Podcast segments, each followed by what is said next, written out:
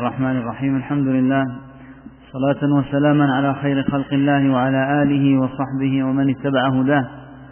أما بعد فاللهم اغفر لنا ولشيخنا ولوالديه ولوالدينا ولجميع المسلمين. قال رحمه الله في هذا اليوم السادس من شهر الله المحرم من عام اثنين وثلاثين وأربعمائة وألف ينعقد هذا المجلس السابع في شرح كتاب الضروري في أصول الفقه لمعالي شيخنا الشيخ الدكتور يوسف بن محمد الغفيظ حفظه الله تعالى. قال رحمه الله تعالى وأما من أجاز الصلاة في الوادي والحمام وأعطان الإبل فإنما ينبغي له أن يصرف النهي الوارد فيها عن التحريم إلى الكراهة على مذهب من يرى أن ورود النهي عن الشيء مقيدا بأمر ما من مقيدا بأمر ما من خارج من خارج بعد إباحته أو الأمر به مطلقا قرينة يخرج بها لفظ النهي عن التحريم إلى الكراهة. هذا إذا كان ممن يرى أن صيغة النهي تقتضي التحريم. وأما من لا يرى ذلك فالأمر عليه سهل. وأما من أبطل الصلاة في الأرض المغصوبة لكونها حركات وأكوان لكونها حركات وأكوانا منهيا عنها فلجهله بحدود متضادة لأن الإجابة والنهي تعلق, تعلق بها من جهتين مختلفتين. ولذلك ما وقع إجماع الصحابة رضي الله عنهم على ترك أمر الظلمة بإعادة الصلوات عند التوبة. وتلك الحركات والأكوان هي من جهة مأمور بها ومن جهة منهي, منهي عنها. وكذلك السجود بين يدي الصنم على غير جهة القصد هو من جهة حرام. ومن جهة متقرب بها متقرب به. نعم الحمد لله رب العالمين وصلى الله وسلم على نبينا محمد وآله وأصحابه أجمعين. هذه المسألة كثير ما يذكرها علماء الأصول وهي الصلاة الدار المنصوبة والذي يميل إليه محققوهم أن الجهة هنا مفكة. وهذه الطريقة التي قواها أبو الوليد هنا في قوله وهو أن الصلاة تكون صحيحة لأن الجهة مفكة فعليه إثم غصبه وأما صلاته فإنها لم ينخرم فيها وجه شرعي من حيث ما أمر الله به من الأحكام التي تقام بها الصلاة. نعم. قال اختلف الناس.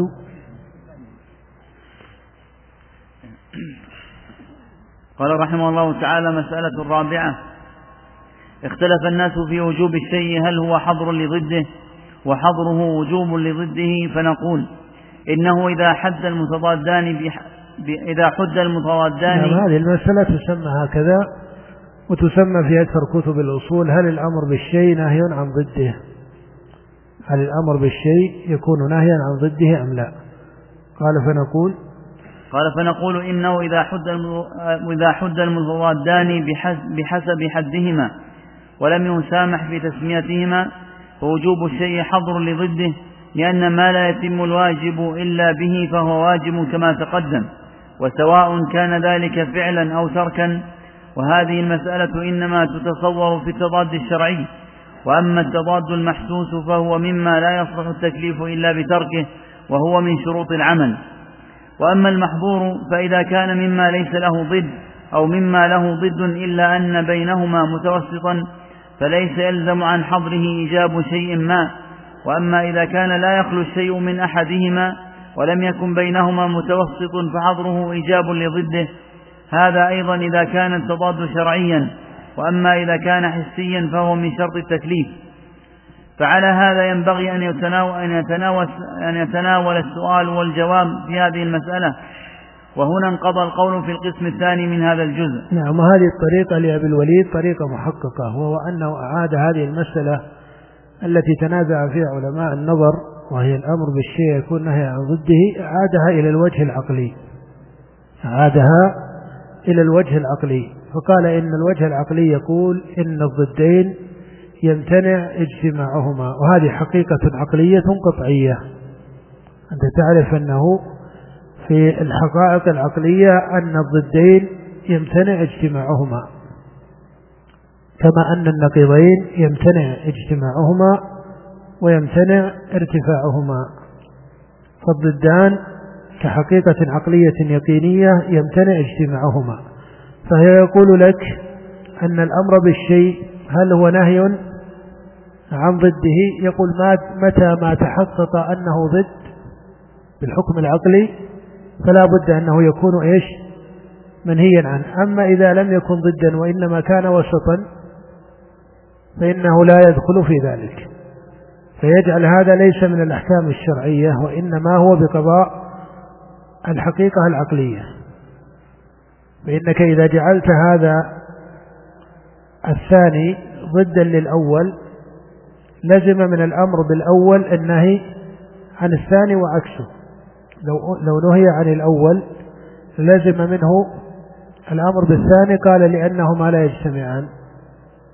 فلا بد أن يكون على هذا السبيل فإذا هو أعاد المسألة الأمر بالشيء هو نهي عن ضده أعادها إلى القضاء العقلي. والحقيقة العقلية اليقينية أن الضدين لا يجتمعان. فيكون التحقيق في المسائل هو بتنزيل حقيقة الضدين.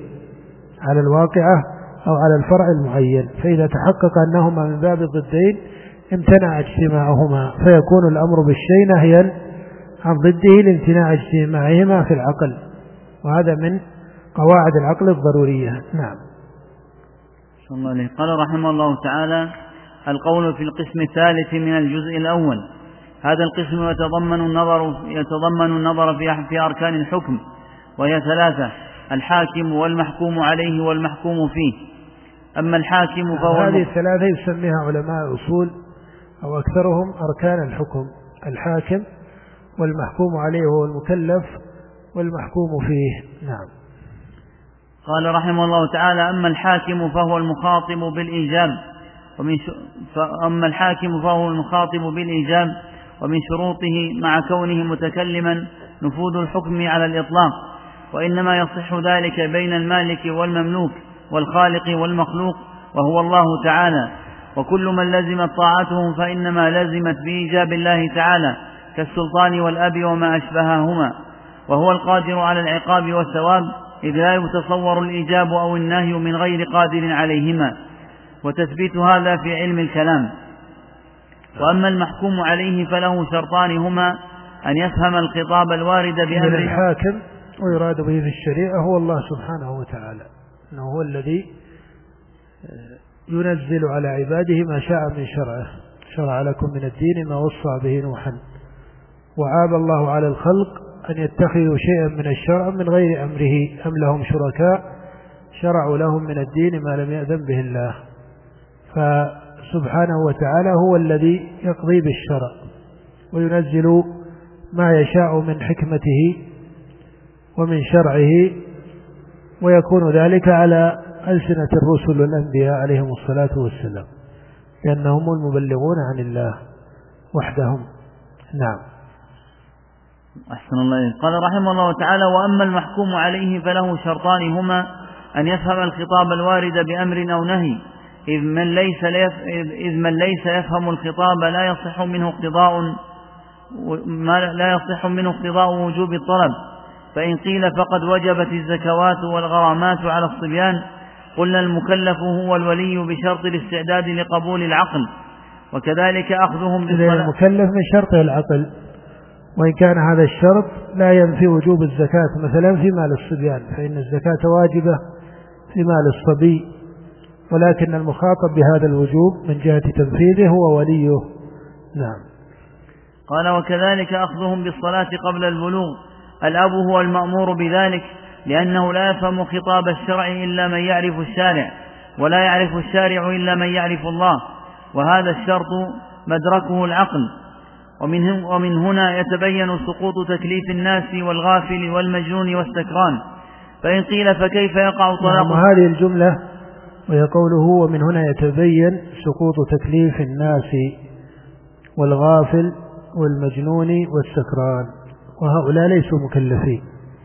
الناس والغافل والمجنون والسكران ليسوا مكلفين. لكن هذه الجملة أي عدم التكليف لا يلزم منها تصحيح الأفعال التي تقع من الناس. ولا يلزم منها عدم إسقاط ولا يلزم منها إسقاط القضاء فيما كان محلا للقضاء من الأفعال. وإنما غاية ذلك أنه ليس مؤاخذا عند الله حال نسيانه. فهذه الجملة هي الجملة المحكمة التي اقتضتها النصوص التي فيها أن الله سبحانه وتعالى عفى عن مثل هؤلاء كقوله ربنا لا تؤاخذنا إن نسينا أو أخطأنا فإن المسقط هنا هو المؤاخذة. لكن لا يصح أن تقول إن من صلى بغير طهارة ناسيا صحت صلاته لأن الله يقول ربنا لا تؤاخذنا إيش؟ إن نسينا. هذا خلاف الإجماع.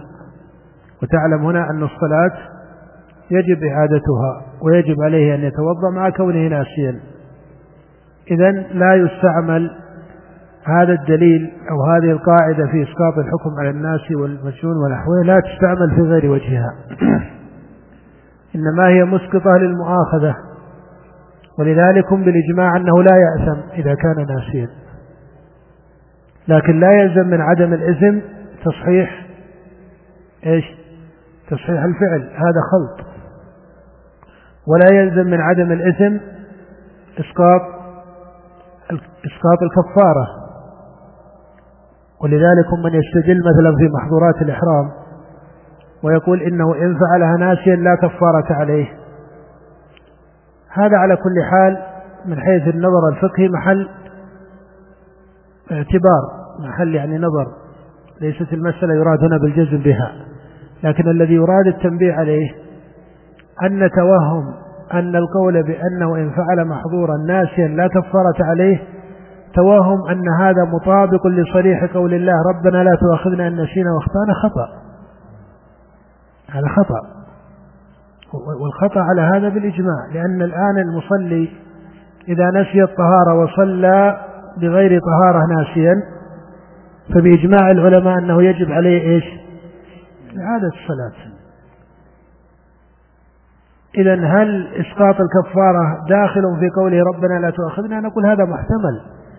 لكن الوهم يأتي من أين يأتي من توهم بعض الناظرين في مثل هذه المسائل إلى أن استدلاله بهذه الآية على إسقاط الكفارة أو إسقاط الفدية أنه استدلال ماذا؟ مطابق لصريح الآية وهذا خطأ. الجملة المحكمة هنا أنه ليس مؤاخذا. ولذلك من ترك واجبا ناسيا ليس مؤاخذا. هذا حكم مضطرد في كل العبادات. من فعل ما لا يجوز ناسيا فهو ليس مؤاخذا. وإلا تعلم أن الصلاة بغير وضوء محرم. بل بعض العلماء من أصحاب أبي حنيفة يقولون هو كفر.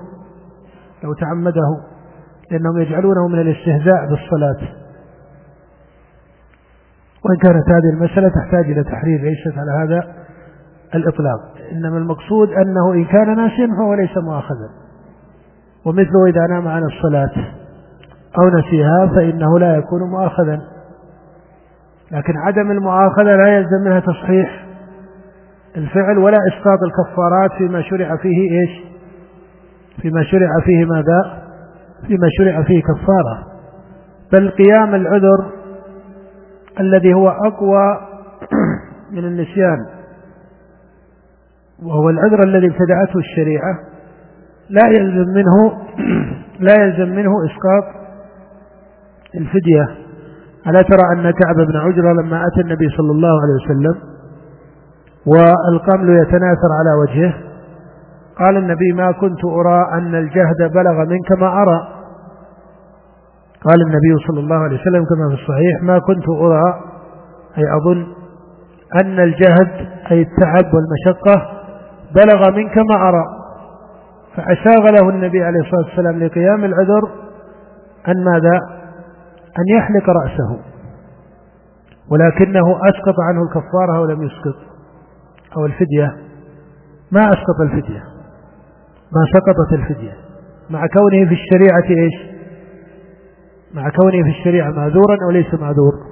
مع كونه معذورا بالإجماع. فإذا ترى هذه المسألة مسألة النسيان وما قاربها والجهل بالشيء يخطئ بعض الناس فيخلطون مسائله. فيقول ما دام أنه جاهل لا شيء عليه. لا. الجاهل لا يؤاخذ. الناسي لا يؤاخذ. لكن ما فوق ذلك من الأحكام هذا محل ترتيب. هذا محل ترتيب.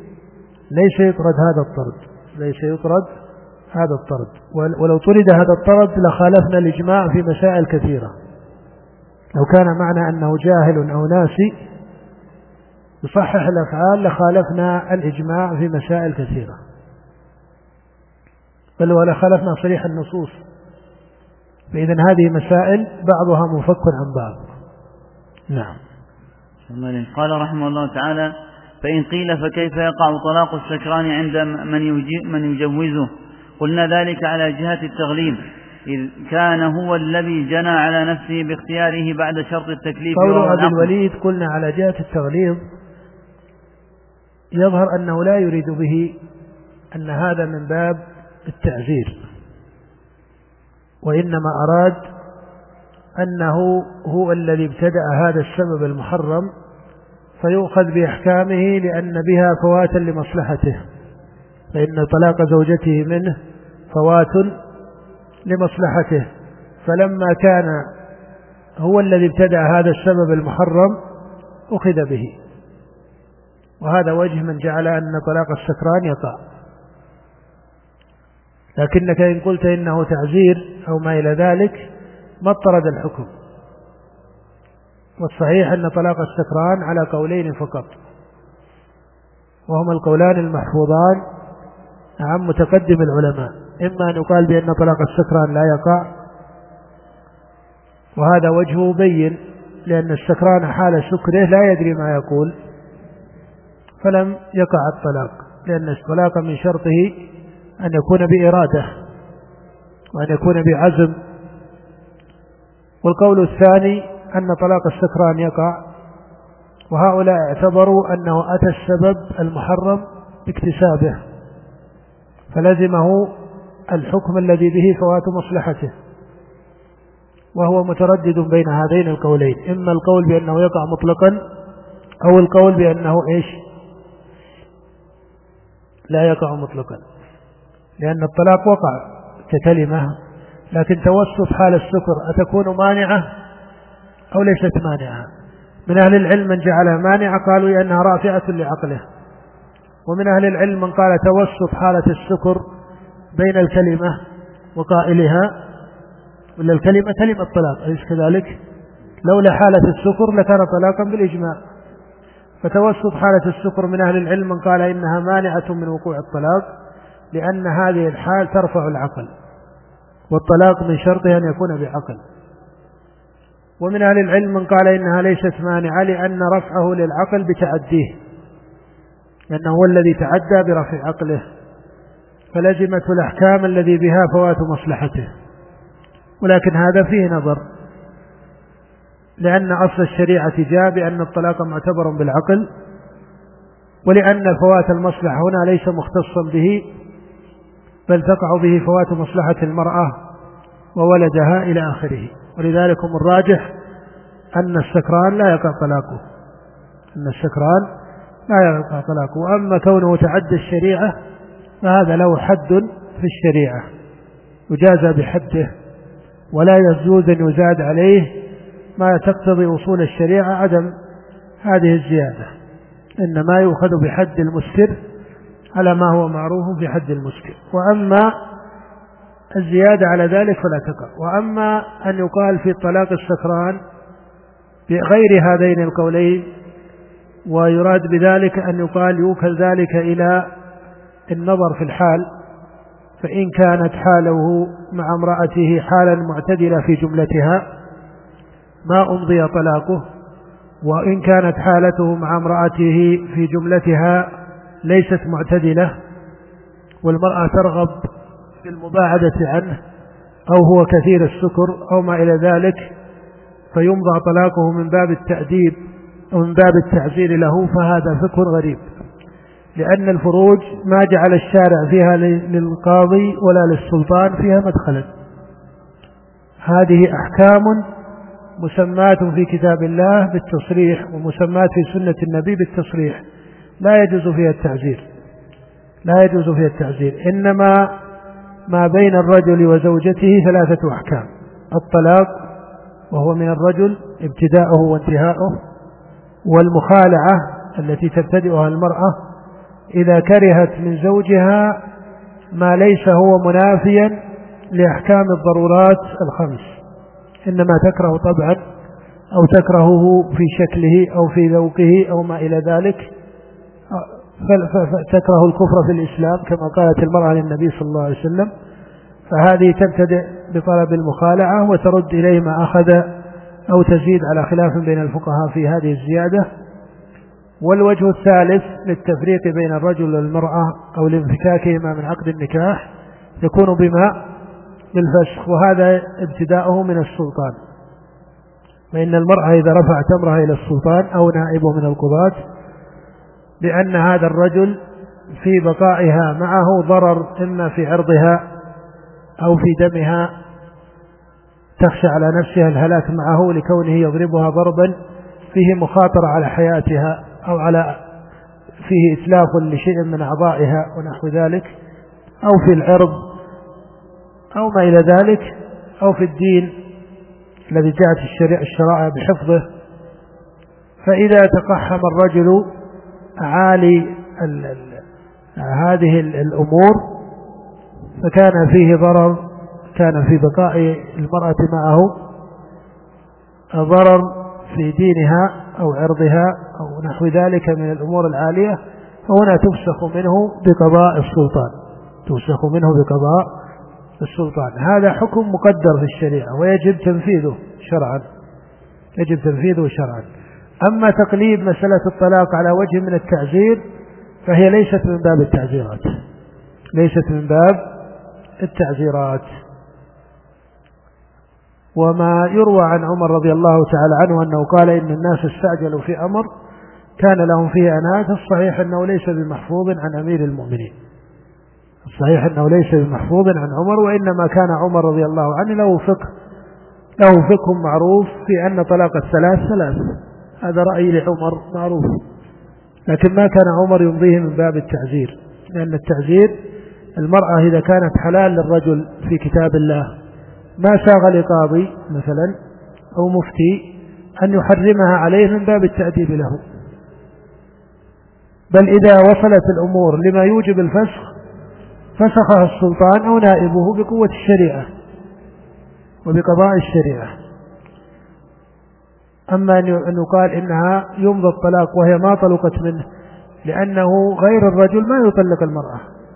غير الرجل ما يطلق يعني غير زوجه ما يطلقها. فالمقصود أن السكران لا في ليس فيه إلا أحد قولين معتبرين إما القول بأنه لا يقع أو القول بأنه يقع والأوجه أو الأظهر من القولين أن طلاق السكران لا يقع لكونه ليس عاقلا. والطلاق من شرطه العقل والإرادة. من شرطه العقل والإرادة. نعم. قال رحمه الله تعالى فإن قيل فكيف يقع طلاق السكران على من يجوزه؟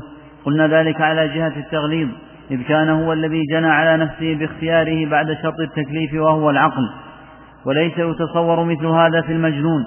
وتعلق من تعلق في جواز خطابه بقوله تبارك وتعالى ولا تقربوا الصلاة وأنتم سكارى فإنه إن سلم ظهور ذلك في الآية فليس يصادم بالظواهر القطعيات ولها تأويلات. أحدها أنها خطاب مع المستثنى والآخر أنه إنما وقع المنع من إفراط الشرب في أوقات الصلاة. وذلك خطاب في وقت الصحة وقبل أن تحرم الخمر.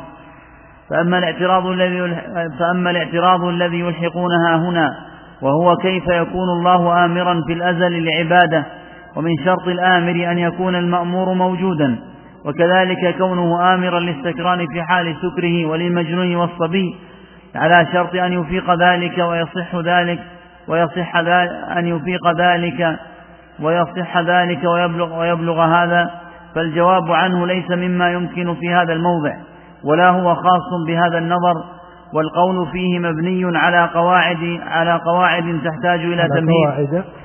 والقول فيه مبني على قواعد تحتاج إلى تمهيد طويل وفحص كثير. وكما قلنا أنه ليس ينبغي أن نفحص عن كل شيء ولا عن أشياء كثيرة في موضع واحد بل ينبغي أن يفرد بالقول كل واحد منها في الموضع اللائق به. والذي يحمل على هذا يحمل. والذي يحمل على هذا حب التكفير بما ليس فيه يفيد شيئا. نعم هذه مسألة بحثوها في علم الكلام. وإن كان بحثهم لها في علم الكلام من جهة التكليف في الأزل ومعنى أمر الله في الأزل وردوها إلى مسائل تكليف ما لا يطاق في بعض مواردها هذا موجود في كتب علم الكلام من كتب أصحاب أبي الحسن وغيرها. نعم. وأما الشرط الثاني؟ قال رحمه الله تعالى وأما الشرط, الشرط الثاني فهو البلوغ وهذا الشرط مدركه الشرع فإن قيل ف... لأنه هو الذي سماه. لأنه هو الذي يعني الشرع هو الذي سمى البلوغ فجعل له أمارات معتبرة وهو الذي ابتدأ الأحكام به. يعني ابتدأ الأحكام الواجبة على المكلفين به فقبل البلوغ لا تجب شيء من الأحكام أو لا يجب شيء من الأحكام. نعم. فإن قيل فقبل أن يحتلم الصبي بزمان يسير أليس هو عاقلا؟ فإن انفصال النطفة عنه لا تزيده عقلا. قلنا لما كان ذلك مما يخفى دركه في شخص في شخص شخص ويختلف وقته نصب الشرع لذلك علامة توجد على الأكثر دالة عليه. نعم وهذا في الجملة هي صفة الأمارات والعلامات الشرعية. أن الله سبحانه وتعالى جعل الأمارات محل إدراك لعامة الخلق. ولو كانت على بحث دقيق في الإدراك لا يصل إليه أكثر الناس يتعذر تمييز الأحكام الواجبة أو وقت الوجوب عما قبله. نعم. قال وأما المحكوم فيه وهو الفعل فإنه ما جاز كونه مكتسبا للعبد باختياره مع اعتقاد اكتسابه طاعة وامتثالا. نقف على هذا لأن فيها بعض الكلام في مسألة الكسب عند أبي الحسن وأصحابه وبالله التوفيق. وصلى الله وسلم على عبده ورسوله نبينا محمد.